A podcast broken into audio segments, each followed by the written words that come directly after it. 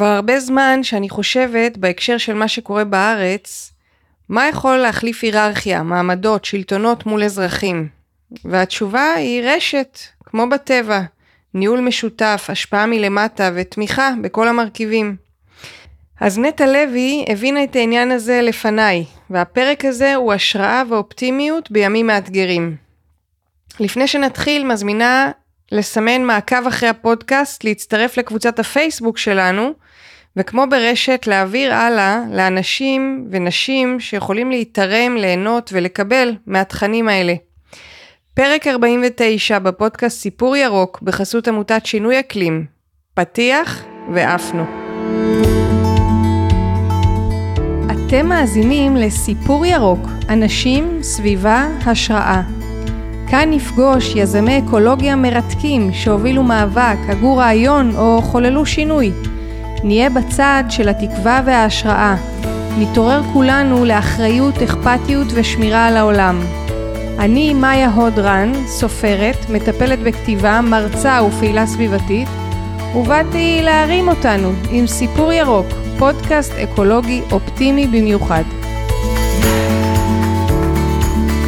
אז היי לנטע לוי מהרשת באר שבע. שלום, כיף מאוד להיות פה. אמרת רגע, שדיברנו קצת לפני, שבאת מאיזה יום מסעיר. כן, כן, אחרי יום של אה, המון בירוקרטיות והגשות ומספרים ותקציבים, אז אה, זה הרגעים הפחות אה, כיפים בכל העשייה הסביבתית. החברתית והסביבתית, כן. כן. אבל אני אספר גם אחר כך שיש גם, יש גם ניצוצות בקצוות של הימים האלו. הנה, הגעת לפה. לגמרי. אז תגידי משהו על מה זה הרשת באר שבע. אז הרשת, יש לה הרבה הגדרות והרבה פנים, אבל היא התארגנות עירונית של צעירים שרוצים לשנות את המרחב ועושים את זה כיום תחת בערך 12-14 ידיים בדמות מיזמים שיתופיים, סביבתיים, שמקדמים קהילתיות עירונית, רמת חיים טובה יותר ותרבות של צעירים. זה בתוך ערים? כן, בתוך, בתוך באר שבע. אנחנו מתרכזים בעיקר בעשייה בשכונה ב', פועלים תחת המיזמים, שתכף אני אפרט אותם, ומקדמים ממש קיימות עירונית דרך המיזמים שלנו, ומפתחים את הסצנה הצעירה בבאר שבע ויצרנות, להיות ממש במה להגשמת חלומות שמגיעים מהשכונה, מהקהילה, לחזק את המקומיות ולחזק את השיתופיות ואת החיבור, את הרישות בין האנשים, ממש כמו השם של הרשת. אז יש לי שתי שאלות, אחת, מה זה צעירים? איזה גילאים? 20 כזה נגיד גיל של סטודנטים וקדימה למשפחות צעירות. ומבחינתי הקהל יעד שלנו זה פשוט אנשים שרוצים ליצור. יש לנו גם אנשים בקהילה שהם בני 40 ובני 50 ומתנדבים מבוגרים יותר. וכל עוד הם חלק מרצון ליצור מרחב שהוא תוסס והוא יוצר והוא מתחדש והוא מאגד ומחבר, אז, אז זה המנעד של הצעירים. אבל יש משהו, אני חושבת, בצעירים, שבאמת, קודם כל, הם עוד לא נשברו. באמת, יש איזה מין מוטיבציה אחרת מאשר אנשים מבוגרים, שכבר ראו את זה וכבר עשו את זה, לא? זה, נכון, זה לא נכון. מכניס איזה רוח אה, יותר חיה למקומות שלפעמים כבר אה, נשבר ל... אני מסכימה איתך על ההגדרה, אבל אני חושבת שרוח צעירה, ממה שאני רואה אצל האנשים אצלנו, שיש גם הורים ואנשים שהרוח פועמת בהם דווקא גם בגיל של פנסיה ויותר בזקנה, וגם הורים צעירים שרוצים להקים את הגן הכי מוצלח לילדים שלהם, שגם על זה אני אספר אוקיי. בהמשך. שזה משהו מאוד- שזה נוגע להם אישית. כן, כן. כן. זה אוקיי. בדיוק הנקודה שממנה המובילים והמובילות אצלנו פועלים. מה, מהצורך האישי, מה, מהדחף שמתעורר בהם. אוקיי, והדבר השני זה העניין של אה, המ- המקום, אמרת מקומי, אתם לא, אתם לא באר שבעים במקור. רוב האנשים כיום ב, ברשת זה ממש אה, מעורבב, כאילו קשה לי, אם את מסתכלת בתעודות זהות, המקימים והמייסדים היו חלקם באר שבעים במקור וחלקם לא, והיום אם את שואלת, הרבה אנשים, הזהות שלהם, אז גם אם הם לא רשומים בתעודת זהות וחלקם אפילו משנים את הכתובת, אבל הזהות שלהם היא, אני באר שבעית. גאה? כן, כן. אז כן, יש עניין ש, שאנחנו, כאילו חלק מה, מהאנשים בקהילה, אז חלקנו סטודנטים, חלקנו הגענו בגלל לימודים או עבודה או משהו כזה, אבל, אה, אבל זה בדיוק העניין, שאנחנו התארגנות שמחזקת את הזהות המקומית, ו, ובואו ניצור כאן את החיים הכי טובים, ולא נעבור לתל אביב. כן, ואת רואה את האנשים באמת רוצים להישאר בגלל זה? כן, לגמרי.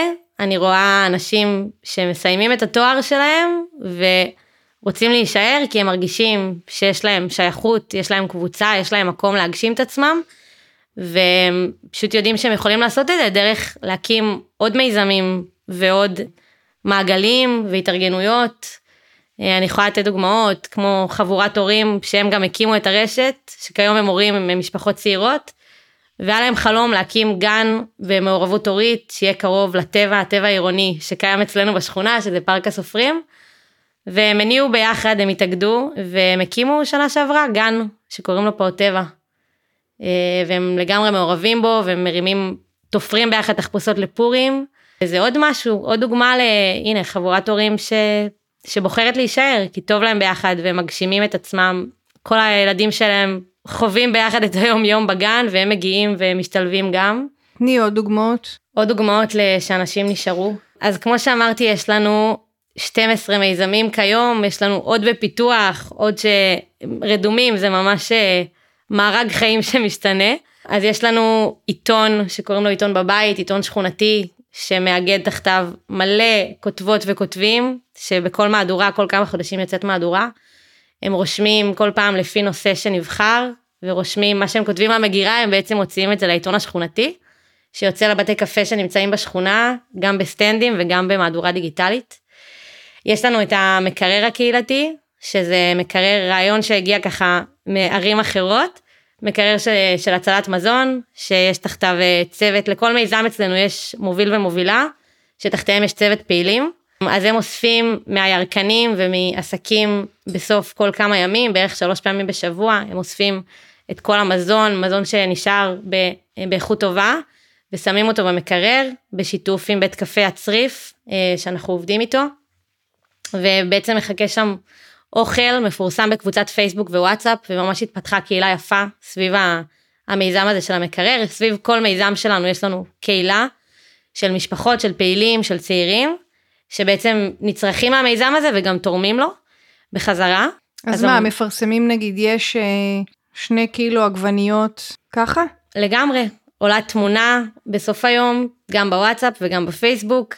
זה יכול להיות או של פעילים שהגיעו, הביאו מהירקנים, או של פשוט אנשים שנשאר להם מלא חמין משבת ואוכל טרי ומזון יבש, כי הם בדיוק עוברים דירה, והם יודעים שהכתובת זה לשים את זה במקרר.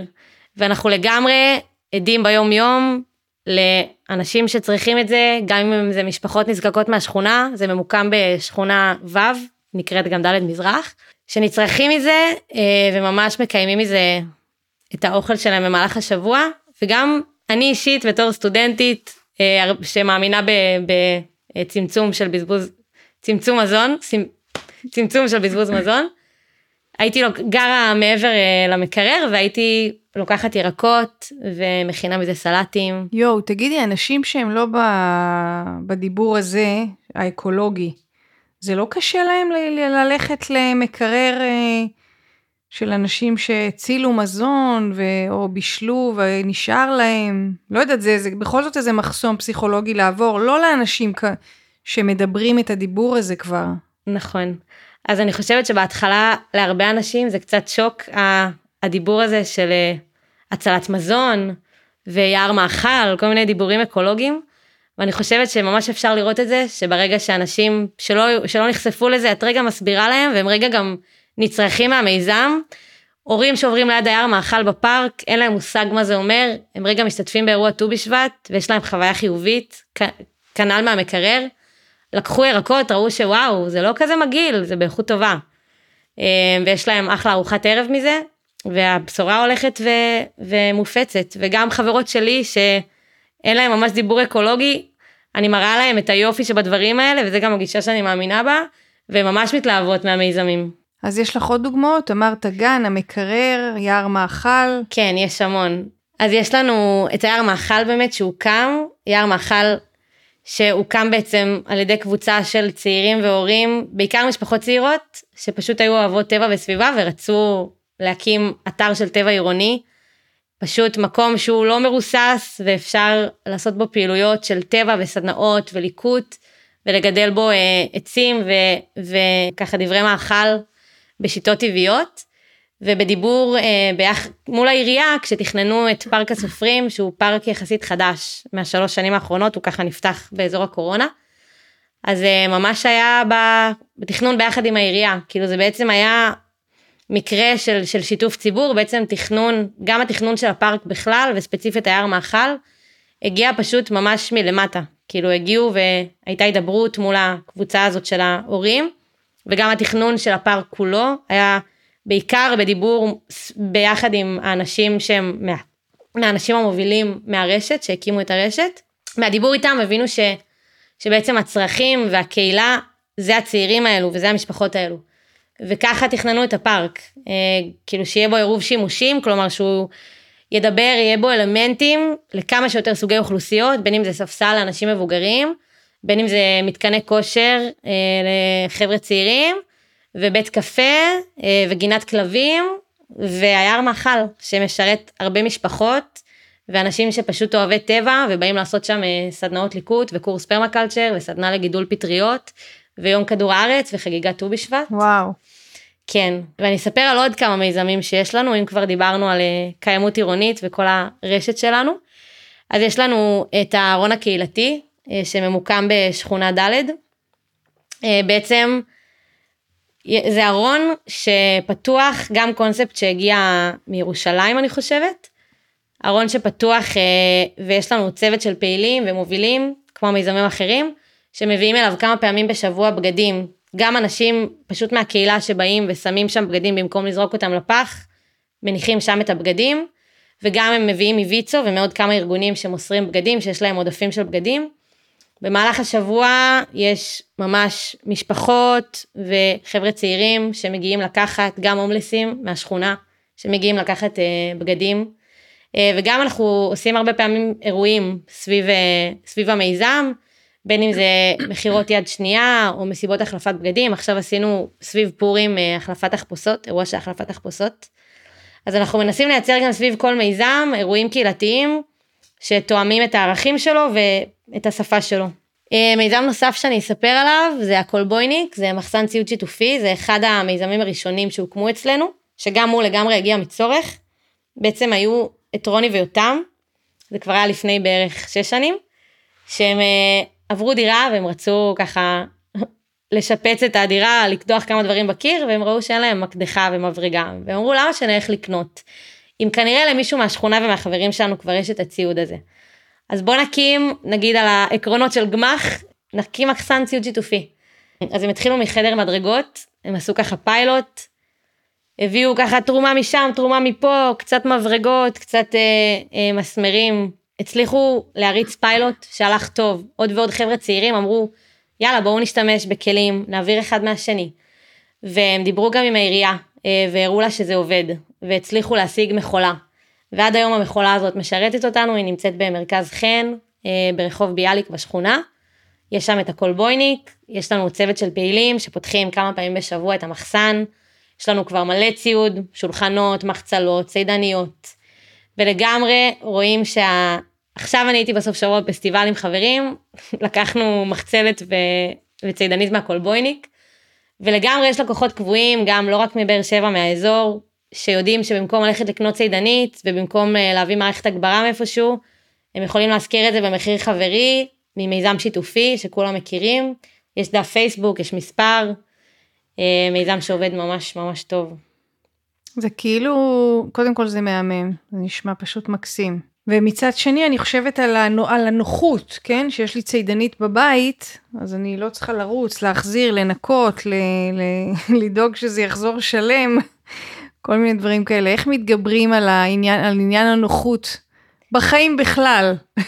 אז אני חושבת שברור שיש את עניין הנוחות. מצד שני גם, את תראי שלהרבה אנשים אין הרבה מקום לאחסון בדירה. זה דבר ש... שלאט לאט אנחנו אוגרים מלא מלא מלא ציוד, עוד בעיה של צרכנות. ואז אה, אין לנו יותר מדי מקום לאחסן. אז יכול להיות שאני אבחר שכן תהיה לי צידנית בדירה במחסן, אבל מקדחה זה יקר מדי, אז את זה אני כן אקח מהקולבויניק. כן. אה, ומערכת הגברה, כנראה אני לא אחזיק, אז גם אני אקח משם, אז אה, יש את האיזון בסוף. נכון, גם באיזשהו מקום זה גורם לחשוב רגע על סדרי עדיפויות, מה אני צריכה, עם מה אני יכולה להסתדר בלי, כן, כל כן. מיני. ברגע שיש לך את הדברים האלו בשכונה, את יודעת שיש לך חנות יד שנייה, שגם עליה אני אספר, השמבלה, ואת יודעת שיש לך את הארון ויש לך את המקרר, את תוציאי קצת מהבית, אם נשאר לך מלא אוכל, את תשימי אותו במקרר, ואת תלכי להביא צידנית לסוף שבוע, ואת תבקרי ביער מאכל, כי הכל לידך, והכל... שזה עוד בשכונה. אחד, שזה עוד אחד מהדברים שבאמת עובדים פה. שאני לא צריכה לחנות ולתאם וזה, זה הכל, אני יורדת למטה וזה כן, זמין לי. לגמרי. אחד העקרונות שהכי חשוב לנו לפעול בהם, זה העניין של, ה, של הקרבה באמת. שואלים אותנו הרבה פעמים בעיר, מאוד רוצים שנשכפל את המודל הזה ונרחיב את הרשת לעוד שכונות. ואנחנו מסבירים שיש פה עניין בסקייל שהוא, שהוא קטן, הוא גם ממש, בראש שלי הוא ממש גם לקוח מהעקרונות של הטבע ושל הפרמקלצ'ר, של להתחיל בקטן ולהתרחב לאט לאט. ואם אני אתפרס עכשיו על כל השכונות בעיר, זה לא יהיה אפקטיבי וזה גם יאבד מה, מהשכונתיות, מהקהילה, מהעניין שהכל קרוב להכל. הרעיון הוא שאולי יפ- יפתחו יוזמות כאלה בעוד מקומות. כן, ליד. לגמרי. אנחנו תמיד בעד אה, לשכפל עוד מקומות, ואנחנו תמיד נלווה את מי שירצה, אבל בסוף הייחודיות כרגע שלנו, איך שאנחנו פועלים, זה המטר על מטר של שכונה ב', זה קצת יותר ממטר על מטר, אבל העניין שהכל קרוב, גם המקרר והארון שממוקמים בשכונות סמוכות, אז עדיין, עדיין יש פה רדיוס של כזה הליכה או נסיעה באופניים, אה, וגם, שוב, השיתוף פעולה עם עסקים מקומיים, כל מיזם שלנו ממוקם בצמוד לעסק מקומי, שהוא גם עסק עם אג'נדה יותר חברתית, שאנחנו עובדים איתו, כדי שיהיה לנו תמיד את, ה, את השותפות וגם את הפיקוח והעיניים על המקרר שהוא מתקיים טוב, ועל הארון שהוא מתקיים טוב, ועל הקולבויניק, אז זה גם אה, עיקרון שמאוד חשוב לנו לפעול בו. עכשיו אמרת מקודם משהו על שיתוף עם העירייה בקשר לפארק הזה, כן. אז זה קורה באמת אה, יחד עם המוסדות כאילו? זה, זה משהו שעובדים בו ביחד? זה מפתיע.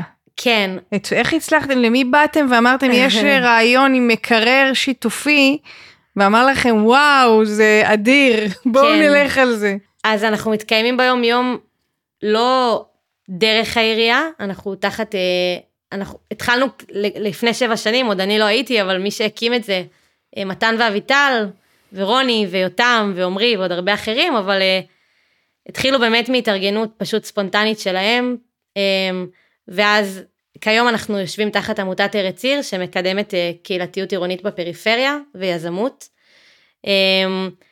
אבל בעצם הפ- הפעולות האלו התחילו מצורך שעלה לצעירים. בעצם מתן ואביטל אה, ראו שהמרחב לא נראה טוב, ושווואלה יש סיבה שכולם מסיימים את התואר ועוברים לתל אביב. והם אמרו בואנה אנחנו כאן, הם גם למדו תכנון עירוני תואר שני באוניברסיטה, למה שאנחנו לא נייצר לעצמנו את החיים הכי טובים? למה שאנחנו לא נעלה את הרמה של החיים שלנו כאן, בשכונה, במקום שלנו? אז הם התחילו בפעולות של placemaking, יש את מרכז חן, זה המרכז המסחרי השכונתי ברחוב ביאליק בשכונה, אצלנו בשכונה. אז הם אה, בנו שם ספסל, והם בנו שם איזה כלי נגינה, והם עשו אה, יום אחד, הם החליטו שבגלל, הם רוצים לשמר את השם של הרחוב של ביאליק, והם עשו פסטי ביאליק. אה, והתחילו לעבוד עם העסקים המקומיים, גם יש בית קפה שהוקם מתוך האירועים הקהילתיים שהם התחילו לעשות במרכז ולהפיח בו חיים, קוראים לו קפה ביאליק, שעד היום זה עסק שעושה מלא אירועים חברתיים ואנחנו עובדים איתו ביחד עם מיקי וצלע שמובילות את הקפה.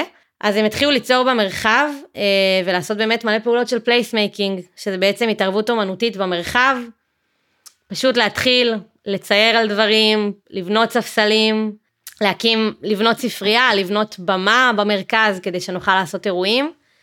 והעירייה ראתה שוואלה קורים דברים בשטח, יש חבורת צעירים שקמה על הרגליים ובאה לשנות, באה לעשות משהו טוב.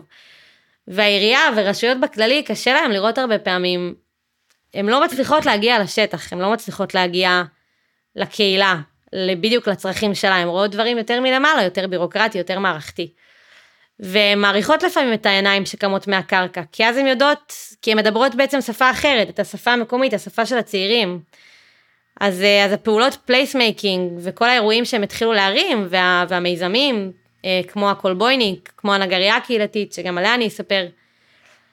אז העירייה התחילה לשתף עם זה פעולה ולהגיד, טוב, כאילו, אתם האנשים שלנו בשטח, אתם כנראה יודעים טוב מאיתנו מה, מה הצעירים צריכים, ו- ואיך הם רוצים ליצור במרחב. התחילו להעביר או תקציבים או, אה, או משאבים בדמות כלי עבודה, מכולה, להקים עוד ספסל. וואו, כבר, זה אה... נורא מפתיע, איך, דבר, איך, זה, איך זה קרה? מה, נוצרו, כן. כאילו, באתם אליהם באיזה בקשה? הבאתם אותם לראות את זה? מה... אה, כן, נוצרו גם, גם פניות וגם אה, קשרים, אה, ולדבר, לקרצץ לאלה בעירייה ולהציק להם. זה הרבה הרבה הרבה להיות עקשנים. הרבה להיות עקשנים, ולהגיד אה, לסגן ראש העיר, בוא לראות את מה שעשינו בחורשה, ובוא תשתתף באירוע שלנו, ולהתקשר מלא פעמים ולשלוח הודעות.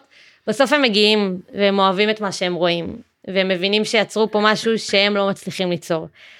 אז הם מפרגנים בדמות, אה, שוב, בדמות משאבים, בדמות כסף, בדמות שיתופי פעולה, להביא לנו איזה מערכת הגבר לאירוע, ולעזור לנו עם שולחנות שם.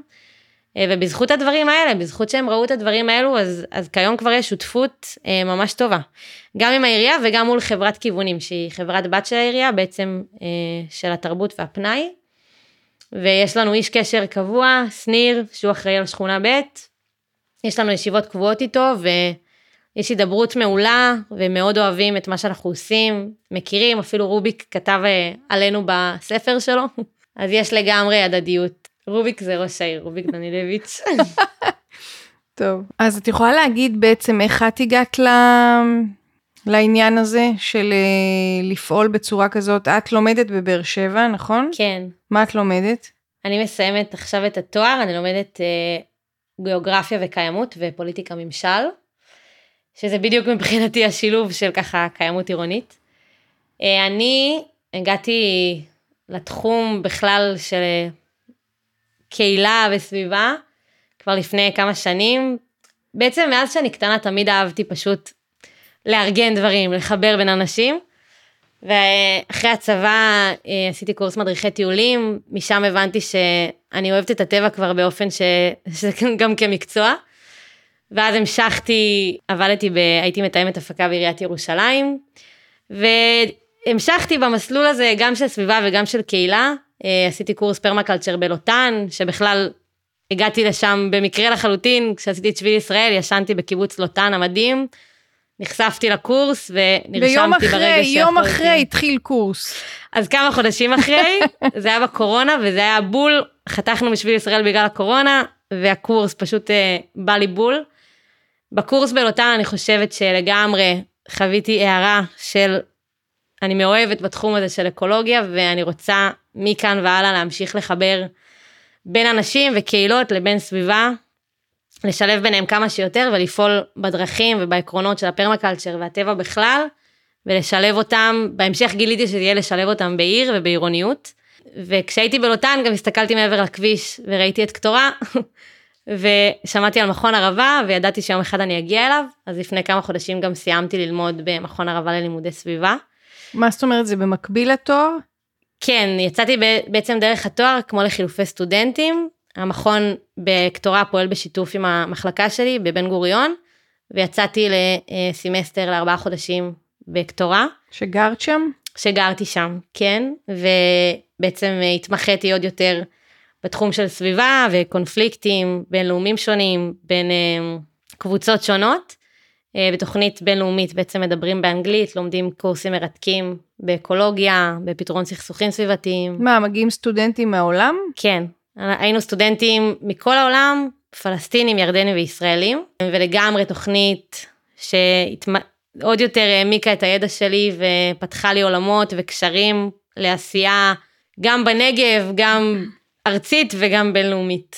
אז בעצם אחרי קורס, הקורס פרמקלצ'ר הגעתי לבאר שבע וישר נקלטתי בעמותה מדהימה, אה, שבועת האדמה, שמפתחת אה, אורח חיים בר קיימא וגם אה, חקלאות בת קיימא בנג... בבאר שבע ובנגב, כשמרכז הפעילות שלה הוא חוות בארי שממוקמת בעיר העתיקה. אה, ובמקביל אה, לפעילות שלי בחווה, שהתחלתי להדריך ולהיות גם רכזת פרויקטים והדרכה, אז מצאתי את דרכי לרשת, זה היה בדיוק הקורונה, והייתי כל היום בבית, ו... והגעתי למקום ואני רגילה להיות חלק מהמרחב, כאילו אני רגילה להפיק דברים בחוץ ולעשות אירועים, אז בדיוק ככה יצא קול קורא להשתלב אה, ברשת ונכנסתי כפעילה, התחלתי להיות בתחום של הפקת אירועי, אירועים קהילתיים. מה זאת אומרת ברשת? זאת אומרת, זה, זה מה שהקימו, מי שאמרת בהתחלה, איך אמרת שקוראים להם? מתן ואביטל. כן, אז הם הקימו את הקבוצה הזאת הראשונה? כן, הם, הם התחילו פשוט להתארגן כגרעין של, של חבר'ה שפשוט באו לעשות במרחב הציבורי, לשנות, להרים אירועים. וכל פעם התמגנטו והתרשתו עוד ועוד חבר'ה. שרובם סטודנטים שלומדים בבאר שבע? שרובם היו סטודנטים, כן, רובם היו סטודנטים שלומדים בבאר שבע, ששוב, רצו לייצר לעצמם אה, פשוט חיים טובים ותוססים, גם אם הם לא גרים בתל אביב, והם גרים בעיר פריפריאלית רחוקה. אה, בדרך ו... כלל, גם אם יש, מייצרים משהו כזה, אז הוא טוב לחיי הסטודנטיאליות, ואחר כך אנשים אה, כן יוצאים מהפריפריה. אז מה, איך את רואה את זה, שאנשים יישארו לגדל משפחות ולהזדקן בשכונה ד'? אה, שכונה ב' וגם ד', כן. ב', ו'. אה, זה לגמרי אחת מהמטרות, ואני פשוט, זה פשוט קורה, כאילו, חלק מה, מהאנשים שאיתנו בדבר הזה, בהתארגנות הזאת, זה לגמרי החבר'ה שהקימו לפני שבע שנים כשהם היו סטודנטים, והנה, הם נשארו היום. והם רוב המשפחות גרות ברחבי השכונה, משפחות צעירות או זוגות שככה לפני אה, ילדים ראשונים. הם גרים הרבה מהם לאורך הפארק, שגם זה בסוף כאילו הבייבי שלהם, והם פשוט יוצרים לעצמם את מה שהם חולמים, כאילו הם הקימו כמה עסקים, את קפה רגע בפארק, את הפאב גיזה, גם קפה ביאליק שסיפרתי עליו, אה, והם הקימו ש- עכשיו את הפאות טבע. שמזה הם מתפרנסים? מתפרנסים מזה ומעוד הרבה דברים, כן, אבל אה, את יודעת, הם עובדים גם אה, בעיר, גם מחוץ לעיר, אבל אה, ככה, האנשים המרכזיים שהקימו את, את כל הגרעין הראשוני של הרשת, כיום המשיכו לפשוט עוד יצירה במרחב, פשוט בדמות כבר עסקים מבוססים, שגם הם לגמרי משתתפים בקהילה ועם אג'נדה חברתית, ואנחנו עובדים איתם בכל האירועים שאנחנו עושים וכל המיזמים שאנחנו מפעילים, כן. כן. כמה באמת יש מעורבות עם האוכלוסייה המקומית בתוך הפרויקטים האלה? זאת אומרת, את מתארת שזה החבר'ה שהקימו, הסטודנטים שנשארו, אבל באמת יש אה, שותפות עם הקהילה המקומית? כן, אני, אני מבינה את השאלה וככה המינוח של מקומי לא מקומי כי, אבל אני מבינה את השאלה. אז אני אגיד ש... לא, לא שאלה טובה, תגידי. לא, שאלה מעולה, שואלים אותה גם הרבה. אבל לגמרי, ואני אתן גם דוגמאות ממש מהשטח ומהשנים האחרונות, אבל גם את יכולה לראות שהמוטבים של הרבה מהמיזמים האלו, זה לגמרי אנשים מקומיים במרכאות, כאילו, אנשים שרוצים לבוא לקחת מהמקרר וגם כבר מכניסים למקרר, וגם מכניסים כבר לארון. והם עוברים ליד האירוע של ט"ו בשבט ביער מאכל והם מצטרפים ואז וואלה הם שומעים שיש קורס פרמקלצ'ר אז הם נרשמים אליו. כאילו בראש שלי כבר לגמרי, כבר כל הרשימות משתתפים, אין לי כזה תווית של הוא מקומי, הוא לא מקומי, פשוט הכל מעורבב ביחד. וכאילו המעגלים ש, ש, שנהנים וגם, שוב, שגם פעילים ומת, ומתנדבים בכל מיזם, הם, הם הכל מהכל, הם כאילו גם שלל גילאים וגם שלל אנשים, בין אם הם אה, נולדו בבאר שבע ובין אם הם הגיעו לבאר שבע בתור סטודנטים. אה, נראה לי שהמחנה המשותף של כולם זה פשוט אנשים שאכפת להם ממה שקורה סביבם. והם רוצים, להיות, והם רוצים גם להרגיש שייכות וחלק ממשהו וזה עונה להם על צורך. בכל זאת אני חושבת שזה שוק בשבילם, לא? שמגיעה חבורה כזאת אנרגטית, שמרימה פתאום איזה vibe כזה, זה לא מיינד uh, בלואוינג בשבילם? הם כאילו, לא יודעת. לגמרי. באים לך לתוך הבית ומשדרגים לך את החיים. כן, אני חושבת שבכללי כל, ה, כל הסצנה הסטודנטיאלית היא, היא עניין אה, לאוכלוסייה. המבוגרת יותר, האוכלוסייה המקומית, בשכונות שמקיפות את האוניברסיטה, אה, החבר'ה הצעירים שהגיעו, זה בא בהרבה הרבה דברים טובים, וזה גם בא במלא מסיבות בדירות, ו- ורעשים ומוזיקות. אז יש אינטריגות לכאן ולכאן. אה, אני חושבת שספציפית על העשייה של הרשת, אז, אז באמת בהתחלה זה היה mind blowing, וגם היום, אה, לראות עוד ועוד דברים שקמים, זה כאילו, וואו, מה קורה פה ומי זה החבר'ה האלה, אבל אנחנו כבר די באדוות של אחרי, כי, כי כבר זה שנה שביעית שהפעילות קורית ומתרחבת. אה, ואני אגיד, מה שדיברנו מקודם, ויש לי עוד דוגמה מדהימה, על מיזם שכבר כרגע הוא קצת יותר ב hold, אבל שהתחיל לפני כמה שנים, שקוראים לו צבע בפארק. אז הייתה אה, סטודנטית לעבודה סוציאלית, קוראים לה שני, שהיא הייתה אה, ציירת ואמנית, והיא הייתה עובדת עם קשישות בשכונה. וכשהוקם הפארק לפני שלוש שנים, אז בעצם זה ככה פארק אה, ארוך כזה, כמו סרגל, שלאורך הדשא, המדשאות, יש אה, כמו מין חומות אה, שתחומות את הגדרות של הבתים. והיא אמרה, וואי, ממש מכוער, ואני עובדת עם הקשישות, בא לי איכשהו לבטא אותן החוצה, והן גרות בבתים על הפארק. אז היא אמרה, אולי אני אעשה כזה קול קורא, אני אקבץ כל מיני ציירות וציירים, ונדבר, נעשה מפגשים ככה עם האנשים שאני עובדת איתן, ונצייר על הגדרות שלהם, ונקשט גם את הפארק, וגם נבטא את מה שהן רוצות החוצה. אז זה לגמרי עבד, ואם תלכי היום בפארק הסופרים, כל הגדרות והחומות, עם ציורים מהממים, שממש לא נעשו ככה, כאילו זה לא שבאו ופשוט ציירו על גדר, אלא המיזם הזה עבד, כאילו צבע בפארק, ש, שישבו, ככה עשו מאצ'ים בין כל אה, אמן ואמנית, שהם ישבו לשיחה עם מי שהבית שלו, מי שלא רצה אז לא ציירו, ומי שכן, אז, אז ביחד איתו תיאמו, אה, וציירו ציורים מהממים שהכי מדברים את הבית, או, אה, או את האנשים שגרים, וג, ואת המקומיות. והיום אם הולכים שם זה נראה כמו מין אה, ציורים של קומונה שלא נגמרים, של הצופים כזה, אבל זה לגמרי ככה אה, משהו, בדיוק placemaking, כאילו משהו שפשוט נתן עוד צורה ועוד צבע למקום ועוד אה, חיזק ככה את הזהות המקומית. אז, אה, אז זה לגמרי הידברות כאילו עם האוכלוסייה המקומית, אה, ו- ועשייה שהיא באה ביחד, והיא באה מהידברות ולא ככה מ... אם אני אגדיר את זה במונחים מקצועיים, אז זה נקרא top down, אז זה לא, זה לא שם. זה מה לגמרי בא זה, מ... מה זה top down? אז top down בדרך כלל יותר, top down ו bottom up זה שני מושגים שבדרך כלל יותר מדברים על, אה, על יחסים בין רשות, עירייה לבין, לבין הקהילה. אז באמת הפעולות של הרשת, top down זה שהעירייה פשוט ככה מורידה אה, פרויקטים ו, ודברים לקרקע בלי יותר מדי להיות מחוברת לשטח. ובוטום אפ זה שבעצם התארגנות אזרחית, זה שתושבים מהקהילה פשוט מתחילים להפעיל אה, ספסל הקשבה, ופשוט מתחילים פעולות מהקרקע, mm-hmm. מהתארגנות התארגנות קהילתית, התארגנות מהשכונה, ומה שקרה אצלנו זה שכל המיזמים הוקמו בעצם מבוטום אפ, הם הוקמו פשוט מהקרקע.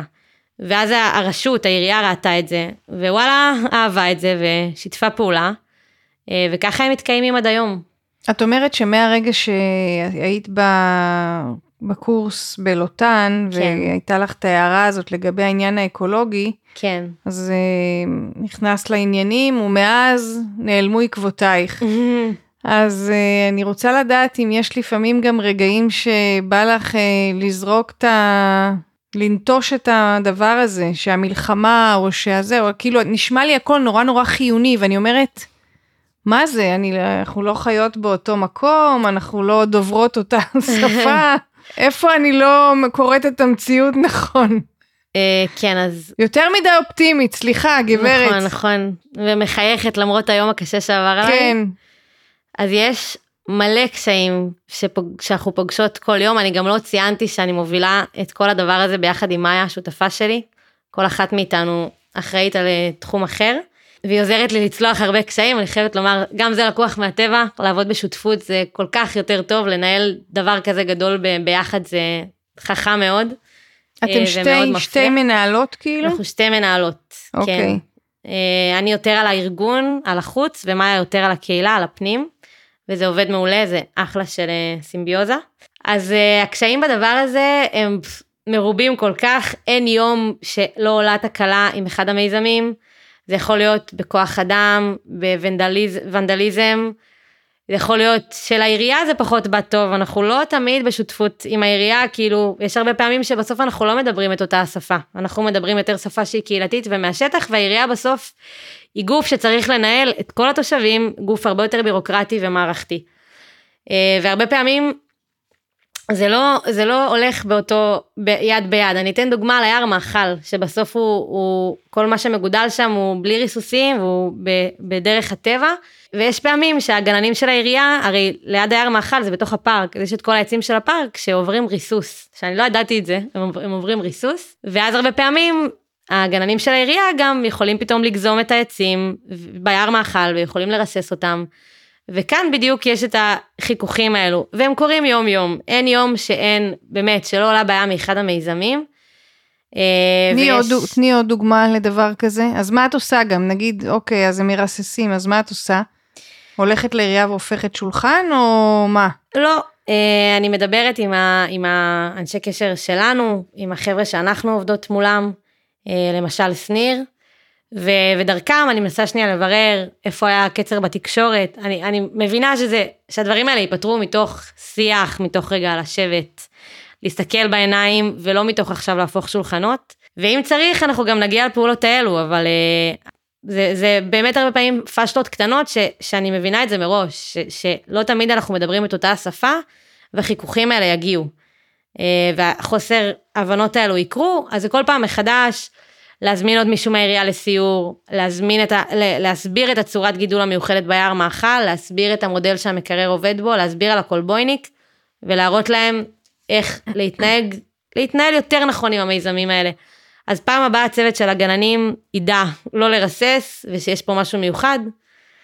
צריך לא להתייאש, ויש הרבה הרבה נקודות ואז של ייאוש. יתחלף הגנן, ויהיה נכון, זה לא ייגמר. אני. חושבת ש, שבכל התארגנות ובכל ארגון חברתי, צריך לעבוד, להיות כאילו עקשנים ולעבוד באופן ולהמשיך. רציף, להבין. כן, ואני יכולה לתת עוד דוגמאות לקשיים. כן, תבין. אה, אז עוד שתי, שני דברים שלא, שעולים שלא לי. נצא מפה בתחושה שהכל אפשרי לא, חלילה. יש כל כך הרבה קשיים, זה לא חסר.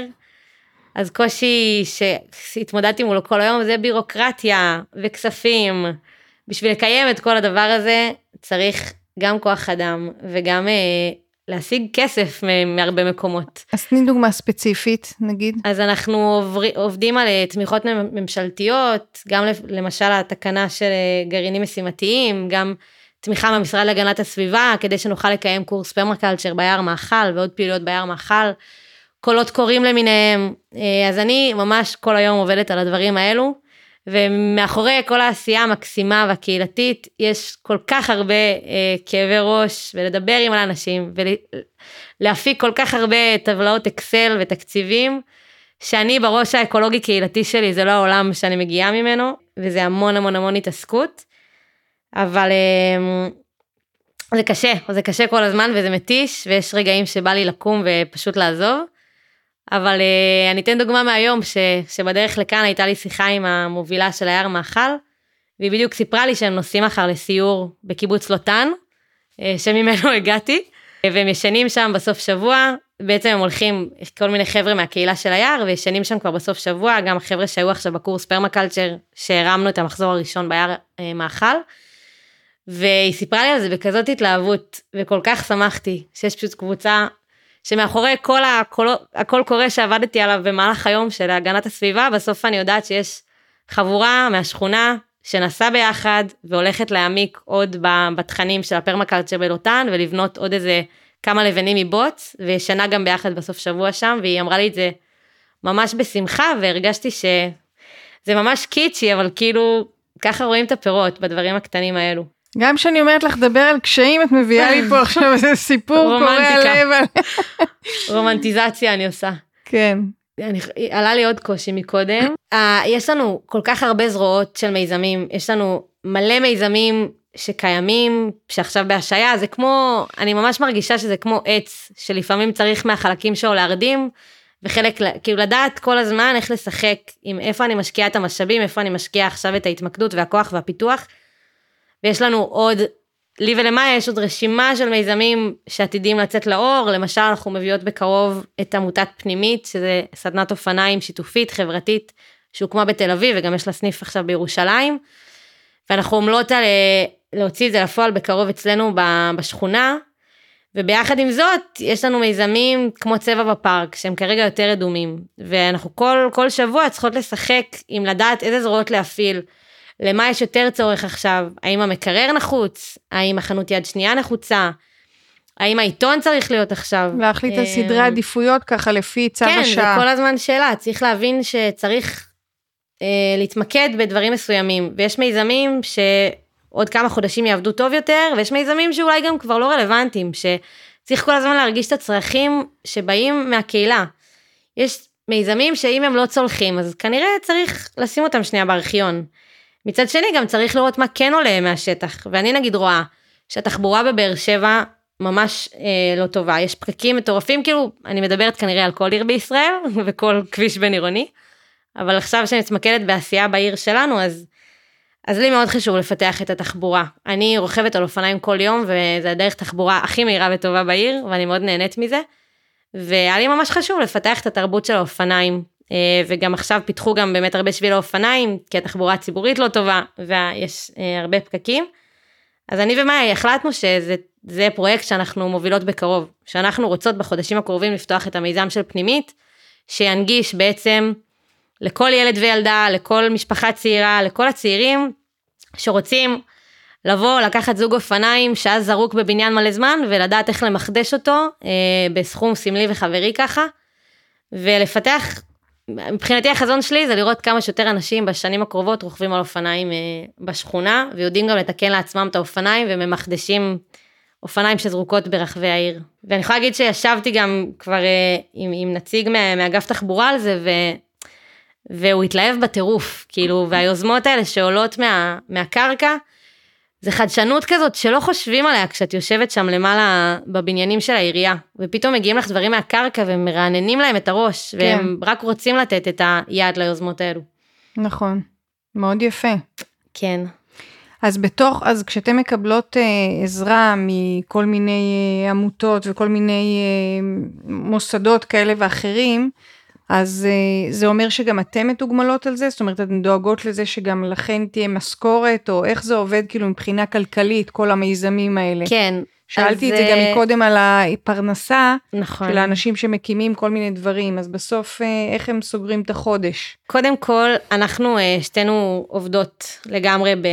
כאילו 50 אחוז כל אחת, אנחנו שכירות של ארץ עיר, של העמותה שבירוקרטית מתכללת את הפעילות שלנו, אנחנו קהילה תחת ארץ עיר. הכוח, כאילו הפעילים אצלנו, הרבה מהם הם באמת מלגאים, אה, תחת כל מיני מלגות של האוניברסיטה, או תחת אה, שתי נקז, איזשהו מתווה של קורסים דרך האוניברסיטה. ויש לנו גם הרבה אנשים שפשוט, אני אתן דוגמה לצוות מדהים שקוראים להם יוצרים בשכונה, שנה שעברה, כמה בנות החליטו שבא להן להרים יריד אמנים, שפשוט עסקים מקומיים ואמנים מקומיים מהשכונה, מהעיר, מהנגב, יבואו אה, ביום שישי, פעם בכמה שבועות, ועל כל השביל אה, ש, שחול, שעובר בפארק, יהיה פשוט תוצרת מקומית, בדמות אה, אה, שרשראות ותיקים ואוכל מהעיר העתיקה. אה, והדבר הזה קורה, והצוות שמוביל את היריד הם בערך חמישה-שישה חבר'ה, הם לא סטודנטים, והם עושים את זה בהתנדבות מלאה, ויש להם אש בעיניים, והם עכשיו עושים את זה במתכונת של כל יום שישי, ועוד ביקשו מהם להרחיב את זה לעוד שכונות ועוד מקומות בעיר. אז התגמול יכול להיות גם, אה, גם שוב, במלגות ובדברים יותר אה, ככה כספיים. ו... מה, של פרויקטים נקודתיים שהם מקבלים עליהם כסף האומנים האלה? זה, זה מובילי מיזמים ופעילים במיזמים. אה, אז זה יכול להיות גם שעל הובלת מיזם, נגיד אני מובילה את הקולבויניק, אז אני עושה את זה דרך מלגה של קרן משה או פעילי ציבור. אוקיי, זאת אומרת שאתן דואגות בתור מנהלות כן. למימון? לא, כי זה נורא חשוב. נכון. אה, זה לא, אתם לא חבר'ה ב... תנועת נוער בגיל 15 שבזמנם הפנוי הולכים לזה. אתם, נכון. אתם אנשים שצריכים גם... לגמרי. אז אני אגיד ש... כל מי שחלק מהדבר הזה של הרשת הגיע לזה כי, כי הוא רצה לעשות משהו, משהו בחוץ ולהשפיע על, ה, על הקהילה והסביבה אה, בשכונה. אבל כן, רוב, רוב החבר'ה אנחנו דואגות שיהיו להם מלגות, שיהיה להם תגמול כלשהו. ויש גם, שוב, יש גם הרבה אנשים שפשוט פועלים כי זה מה ש... כי זה מה שעושה להם טוב, וזה כאילו לרובנו זה פשוט המעורבב עם החיים שלנו, כאילו לי זה העבודה אבל זה גם החיים, כאילו, לא, שזה טוב ולא טוב. לא, אני מבינה את זה לגמרי, אבל אני אומרת שאחד הדברים שאני מתעסקת פה בפודקאסט עם רואיינים, זה באמת איך מממשים את הדבר הזה לא רק בחזון, ברעיון, אלא גם מבחינה פרקטית. נכון, ו- אז... אה, ובסוף ל- ל- אי אפשר לתדלק כל החיים על זה לגמרי. שאני נורא נורא אוהבת לעשות את זה. אני גם צריכה להיות נכון. מתוגמלת ולהרגיש שאני שווה לא רק בעיני עצמי, אלא גם, את יודעת, כאילו נכון. להרגיש ערך. אז, אה, אז כמה ככה פרקטיקות והדרך שלנו ל, ל, ללוות את כל האנשים האלה ש, שעושים הרבה למען הבחוץ ביום יום. אז גם אני ומאיה, כל אחת מאיתנו מלווה את המיזמים ועושה איתם ישיבות קבועות, ואנחנו מנסות כל הזמן לייצר כמה שיותר תחושה של קבוצה, של, אה, של שייכות, וגם לצ'פר בהרבה, בהרבה סדנאות ו, אה, וטיולים וסיורי השראה.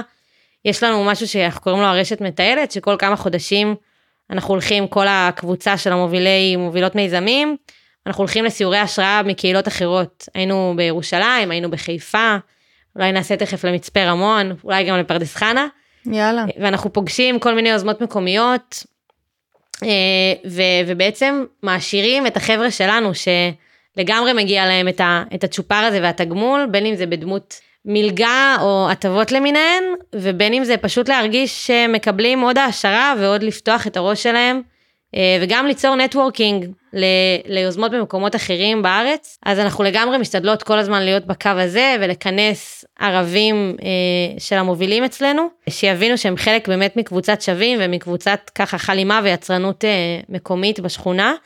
גם אם יש לנו כל מיני קורסים והכשרות שאנחנו יכולים אה, אה, לפרגן, בין אם זה קורס פרמקלצ'ר, או עכשיו אה, יש קורס של, אה, טוב לא את זה נוריד, כן. קורס פרמקלצ'ר, אה, או כל מיני דברים אחרים שקורים בעיר, ו, ואנחנו נוכל, זה ככה ווין ווין, כי אנחנו גם אה, מתמרצות אותם, וגם משלבות אותם עם עוד ארגונים, עם עוד רעיונות, עם עוד אנשים אה, חשובים שגם אה, מובילים אה, דברים בבאר שבע. ואני אגיד רגע על המודל הכלכלי, שזה דבר מאוד חשוב, שלא תמיד מדברים עליו, וזה ככה, אם כבר דיברנו על קשיים, אז זה קשיים שיש כל הזמן ביום יום. אז אה, אנחנו מאוד עובדים, אם אנחנו כבר מדברות על קיימות עירונית, אז אנחנו עובדות על זה שיהיה לנו מודל שבעצם אנחנו מצליחות לקיים את עצמנו, ושאנחנו התארגנות שהיא גם אה, בת קיימא. אז אנחנו גם, יש לנו תמיכות, אני כל הזמן עובדת על קולות קוראים ותמיכות ממשלתיות, אבל גם אנחנו מאוד עובדות על הכנסות עצמיות. אז אנחנו מנסות שמרוב המיזמים יהיו לנו הכנסות עצמיות, אז יכול להיות גם מהקולבויניק, שבעצם ה, ה, מה שאנחנו לוקחות, אנחנו לוקחים על ההשכרה, המחיר החברי בסוף הולך בשביל להחזיק את כל הדבר הזה ואת ההוצאות שלו. גם מהשמבלה, שזה חנות יד שנייה חברתית, אה, שיש לנו ממש במרכז הפעילות שלנו, ליד קפה רגע ובית הפארק, שזה המקום, מרכז הפעילות שלנו אולי אני אגיד. אז גם שם זה בעצם חנות שעובדת כמו מין קואופרטיב, שאני מביאה בגדים, אני מקבלת על זה הנחה לפי כמות הבגדים שהבאתי לקנייה הבאה שלי, אז גם ההכנסות שאנחנו מוכרות שם, הבגדים, מזינות בעצם את, ה, את ההכנסות שלנו. והדבר הנוסף והמהותי אה, שאנחנו עושים זה סיורים והדרכות על המודל שלנו אה, לקבוצות, עיריות, רשויות, ארגונים ועמותות. כן, באים לראות את זה? כן, לגמרי. אז באים לראות את זה ושומעים על זה מפה לאוזן וגם מפרסומים שלנו. אה, פונים אליי מהרבה מכינות, בתי ספר, הכשרות למורים על יזמות ועל סביבה ועל מיזמים שיתופיים, כי רוצים לבוא וללמוד את הדבר הזה שהוקם כאן. אה, איך, איך להעלות אה, קהילתיות עירונית, איך לקדם מיזמים של קיימות עירונית אה, לגמרי, זה ככה אני מתעסקת בזה ביום יום וקבוצות של עכשיו אה, מעבר צה"ל דרומה, אז יש הרבה קצינים אה, שעברו לבאר שבע ורוצים להיות מעורבים ולהיות פעילים אה, באווירה הצעירה, בסצנה הצעירה ולקחת חלק במיזמים האלו, אז גם הם, יש לנו סיורים עכשיו כמה בשבוע ומגיעים לראות וכל זה בעצם, זה שוב, זה כאילו ווין ווין כי זה מפיץ את הבשורה שלנו ואנחנו גם עוזרים לקהילות אחרות ב- ויוזמות מקומיות להתפתח בערים אחרות. ואנחנו גם בעצם בסוף מזינים את, כאילו את הקיימות שלנו, את המודל הכלכלי שלנו וההכנסות שלנו. אז איפה יש עוד מקום, עוד אה, מי- מיזמים כאלה, באיזה עוד אה, ערים? אז uh, במצפה רמון, את הרשת מצפה רמון, הם בעצם התלהבו מהמודל שלנו וקנו את הזיכיון, אם ככה זה מוגדר. אז יש את הרשת מצפה רמון, ויש את הרשת הגלילית, שעכשיו בדיוק הוקמה, שאם אני לא טועה זה חצור ומה שבסביבתה, את זה אני אוסיף בהמשך. ואחרי שבאים, אחרי שקבוצות באות אלינו, אז אנחנו תמיד אה, שולחים אחרי זה דף עם כל המיזמים שלנו וכל ה... כל הדרכי התקשרות שלנו, אה, הניוזלטר והקבוצת וואטסאפ ופייסבוק אה, והאתר, וממש בשביל שה, שהאדוות האלה ילכו קדימה עם אנשים, הרבה פעמים גם אפילו הדרכתי קבוצה של עובדות סוציאליות או של מורים, ותוך כדי הדרכה אנחנו מדברים על איך לפתח את, ה, את המיזמים האלה בבית ספר, איך ליצור מחסן ציוד שיתופי אה, ברשות המקומית או בבית ספר, ואיך להפוך אה, תלמידים ותלמידות לפעילים, שאם בא בתלמידה הזו בוער הציור, אז היא תתחיל לצייר ברחבי הבית ספר ותקים סביבה ככה התאגדות של עוד אה, חברים. ואם הוא ממש אוהב לבשל, אז יאללה, אולי נרים גם אה, מקרר קהילתי בבית ספר או בשכונה, וזה לגמרי הולך עם אנשים קדימה, וזה מדהים לראות איך המודלים האלה, איך הרעיונות האלה מיושמים בעוד מקומות. תגידי, את, מאיפה את במקור?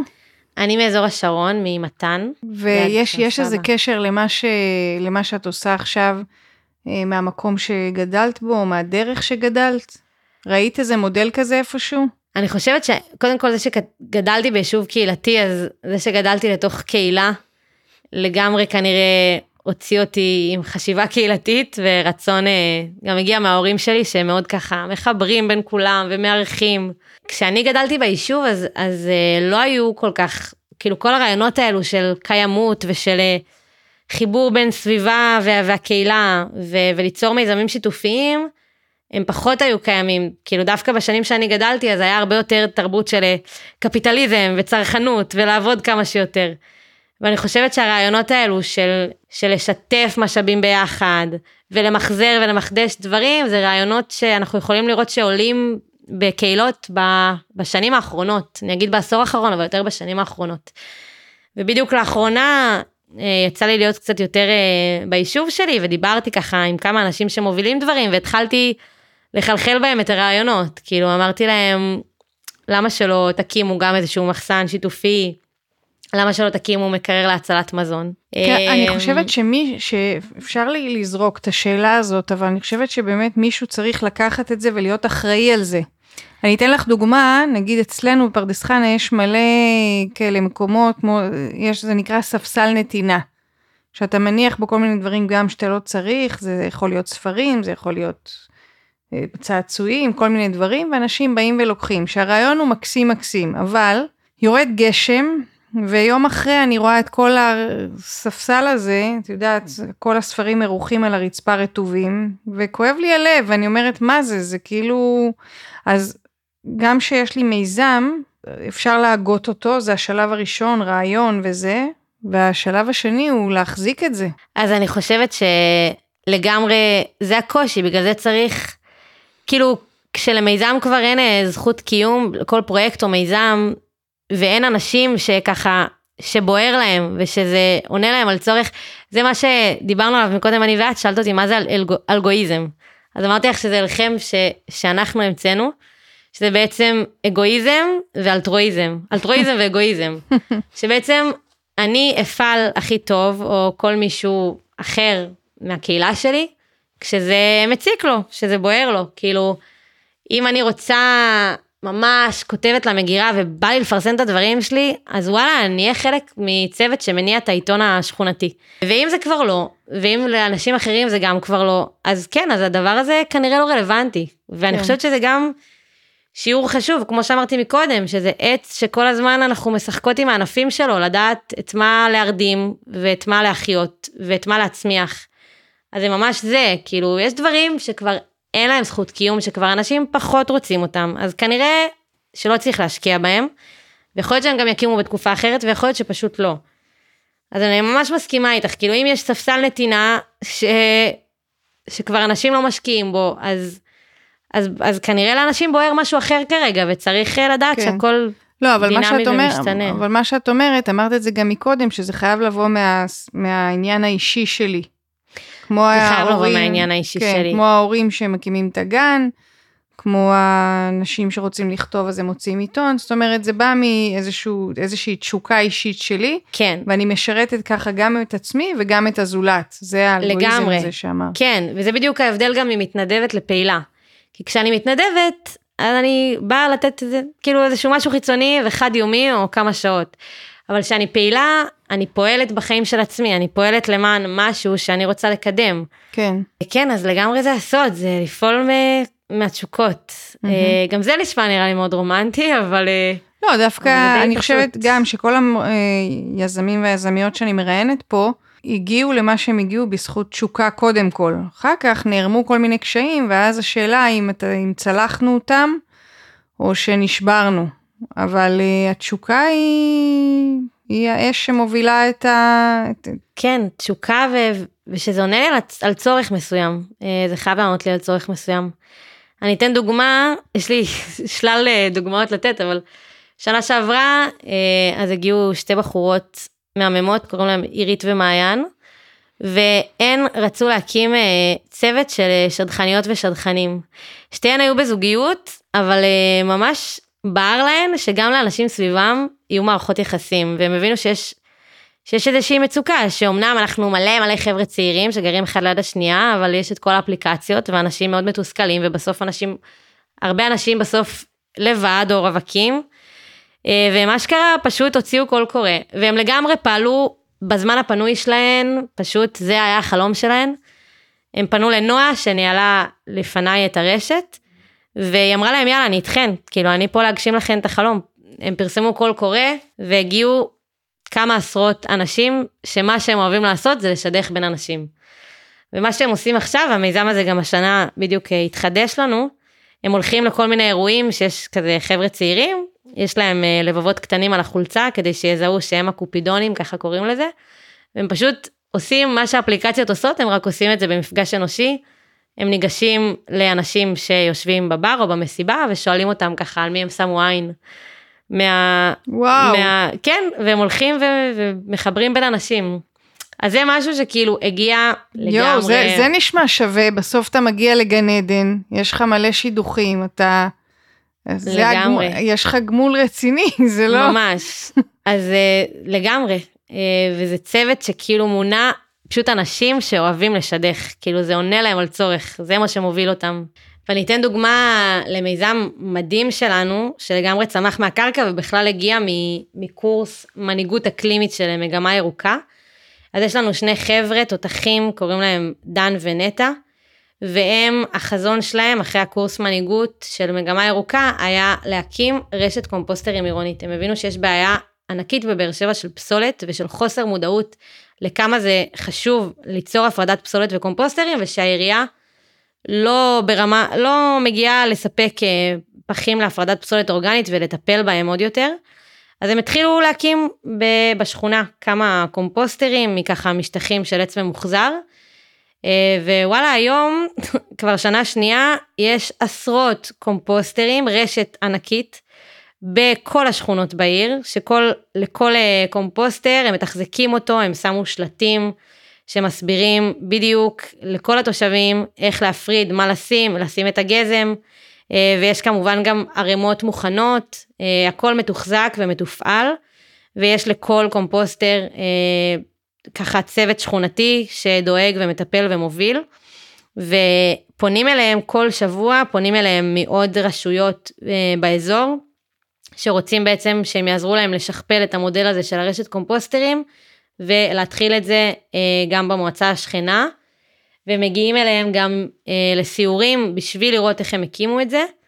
וזה מיזם ממש מרגש שככה ביום יום פשוט מתפתח בקצב מסעיר וזה גם משהו שאני רואה שמדבק. כאילו לאנשים בהתחלה הרעיון של קומפוסטר זה בכלל שם נרדף למשהו מגעיל והם לא רוצים להפריד פסולת הם גם לא מבינים למה זה חשוב.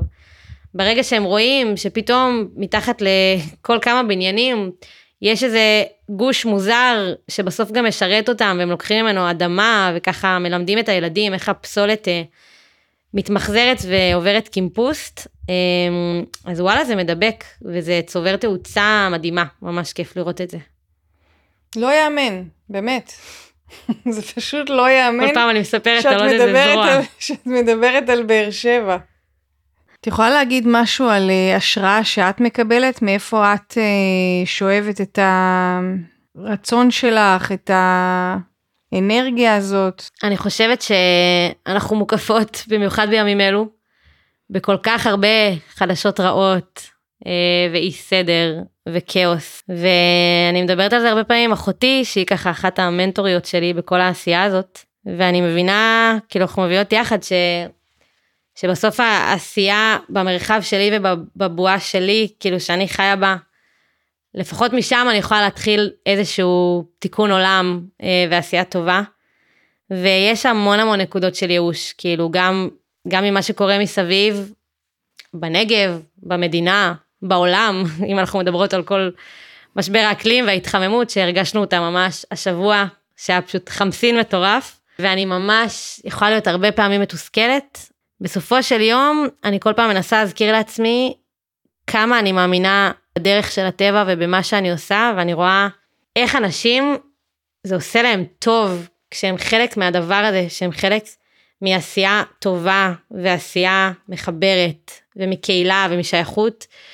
ו- ובמיוחד אני, שוב, אני כל פעם נוגעת בדרך הטבע, אבל באמת, שאני רואה מפגש של אנשים עם טבע ועם הרעיונות האלו שאנחנו, שנשמעים כל כך סיסמתיים, אבל באמת עם, עם מחדוש של דברים ועם מקומיות ועם אקולוגיה גם- ועם גם- שיתופיות.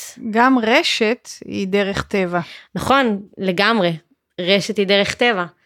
ובסוף, כן, כל הדברים שדיברתי עליהם בשעה האחרונה, הם דברים, הם רעיונות שממש צומחים מהטבע, וכל החיבוריות והשיתופיות ועירוב השימושים, זה טבע. ממש, כאילו, אני פשוט רואה כל יום, וזה לא רק כאילו בעשייה שלי ברשת ובשכונה, אני רואה את זה במשפחה שלי, אני רואה את זה בחברות שלי ובלימודים, איך הרעיונות האלה, אנשים נחשפים אליהם, וגם אם רגע הם בבורות והם לא, ברגע שהם, שהם לוקחים חלק והם רואים כמה טוב להם החיבור הזה, אז זה פשוט עובד טוב. כאילו, אני, נגיד במשפחה שלי, התחלנו מסורת שכל כמה שבועות שאנחנו נפגשות הבנות דודות והאחיות, כל אחת מביאה את כל הבגדים שהיא לא צריכה, כל מיני פריטים, ואנחנו עושות בתוך המשפחה מין מסיבת החלפות. עכשיו להרבה אנשים מהמשפחה שלי זה כאילו מה הקשר רעיונות של יד שנייה ממש לא זאת לא השפה. אבל וואלה כולם עפות על זה האחיות שלי והבנות דודות שלי וזה נהיה מסורת משפחתית כזאת איזה יופי. כן. אז אני חושבת ש... שזה את, מד... את מדבקת, זהירות את מדבקת. הרגעים הקטנים האלה הם, הם באמת עושים משהו. כאילו אנשים אנשים נדבקים לזה גם אה, חברות שלי שרובן ממש לא מבינות מה הקייטנה שאני מתעסקת בה ביום יום, הארגון צופים הזה, גם אבא שלי כאילו חושב שאני עובדת בצופים או משהו כזה. ואז שאני מראה להם וחושפת אותם וגם נותנת להם להתנסות בעבודה שאני עושה. בין אם זה בדברים שקשורים בטבע וסביבה ובין אם זה במה שאני מפתחת בעיר, בבאר שבע. אז הם מתלהבים מזה ממש. אמ, כשאימא שלי באה לראות את הדברים השונים שאנחנו עושים, מחר שלחתי אותה, היא תהיה בדרום, שלחתי אותה להשתתף ביריד אמנים. אז היא מתלהבת ומצלמת, מעלה לפייסבוק, שולחת לכל החברות. והאמת שאני קודם נותנת דוגמאות מהמשפחה שלי, אבל אחותי כאילו שהיא היא גרה בחיפה, אז בעקבות העשייה שלי וההשראה שהיא חוותה, אז היא הקימה מחסן ציוד שיתופי בחיפה, אה, בטבריה 15 בשכונת הדר. למחסן שלה קוראים שולה, והיא מובילה את זה. והנה, זה דוגמה איך אה, ההשראות האלה מדבקות, הדברים האלה פשוט עובדים. מקסים. את מעייפת אותי רק מלשמוע אותך. תראי, אנחנו מתקרבות לסיום ויש לי פינה בפודקאסט שנקראת תחזית אופטימית, את יודעת. You know it. מכירה. אז uh, תגידי ככה, אם הכל אפשרי ופתוח, מה את רואה שקורה בעתיד הקרוב והרחוק עם, ה... עם מה שאת עושה? אני אגיד שאני אספר גם בנימה זאת שאנחנו בדיוק בשבועות האחרונים, אנחנו חלק, הרשת חלק מקהילה של אה, רשת קהילות בעצם סביבתיות, בהובלה של ארץ עיר וחיים וסביבה וטבע עברי, שחברים בה הרשת ושבועת האדמה ונתתה, והנה, הד... כאילו ביום של המחר, הדברים האלה קורים, הרעיונות האלו של יוזמות מקומיות, להכניס עוד את העניין של מחדוש ומחזור ואקולוגיה ושלהרים את הרמת חיים אמ, על ידי לשלב טבע בעיר ולהתאגד ביחד, לשתף ידע, לשתף דברים.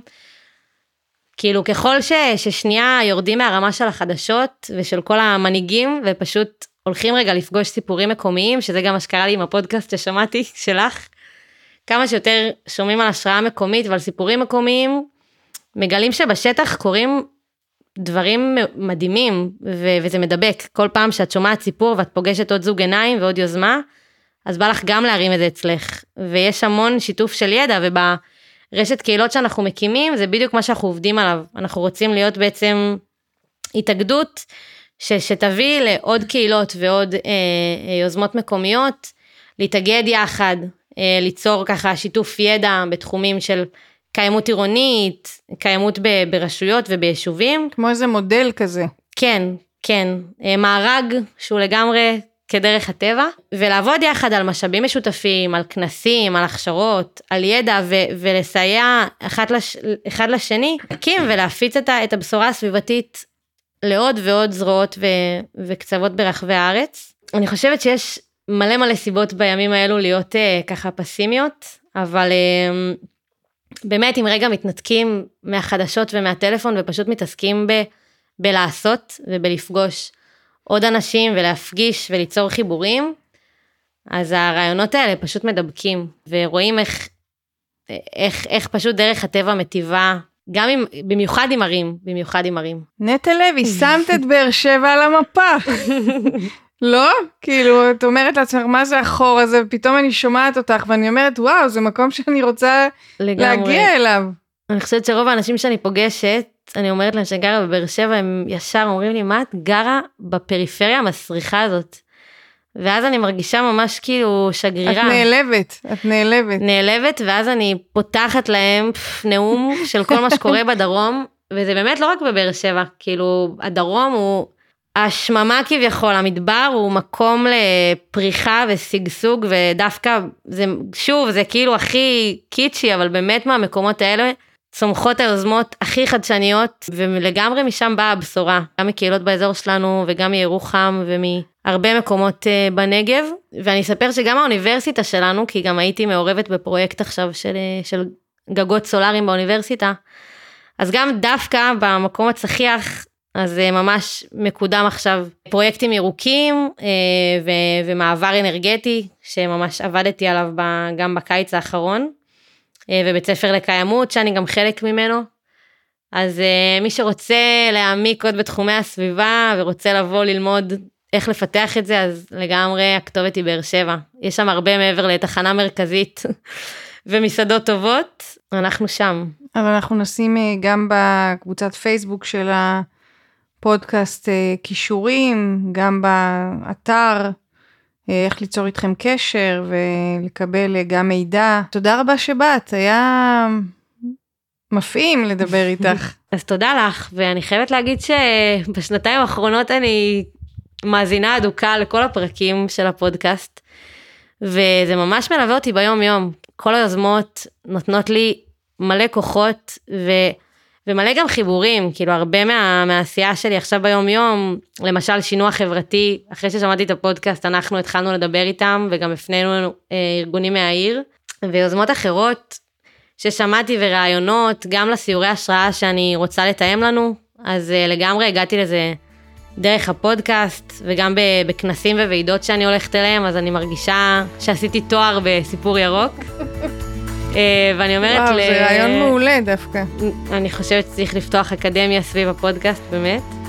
ואני אומרת הרבה פעמים לחברות שלי ש... שאני מרגישה ש... שמה שאני לומדת מפודקאסטים, וספציפית מהפודקאסט שלך, הוא יותר שווה מכל קורס שעשיתי באוניברסיטה, באמת. וואי, איזה כיף לשמוע. זהו, עשית לי את היום. למשל, שהתלבטתי לפני איזה חצי שנה אם ללכת ללמוד במכון ערבה, אז בדיוק אה, יצאתי לריצה ושמעתי את הפודקאסט עם תמר קינן. ואז זה בא לי בדיוק בזמן, שמעתי שהיא מדברת על המקום ששינה את חייה, הלימודים במכון ערבה. ואז זה ממש היה ככה החץ שסימן לי את הדרך, ובהמשך, כשעוד למדתי במכון, אז, אה, אז הייתי ממשיכה לשמוע את הפודקאסטים, ובכל פרק עוד מישהו אה, ציין ככה שהוא למד את הקורס פרמקלצ'ר בלוטן, והוא למד במכון, והרגשתי לגמרי שאני בדרך הנכונה אני חלק מה, מהחלק הטוב של האנשים. תודה לך.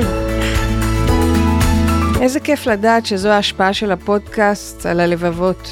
תודה על ההאזנה הסבלנית שלכם.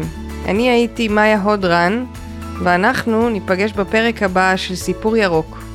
עד אז, שנהיה טובים לעצמנו, לזולת, לעולם.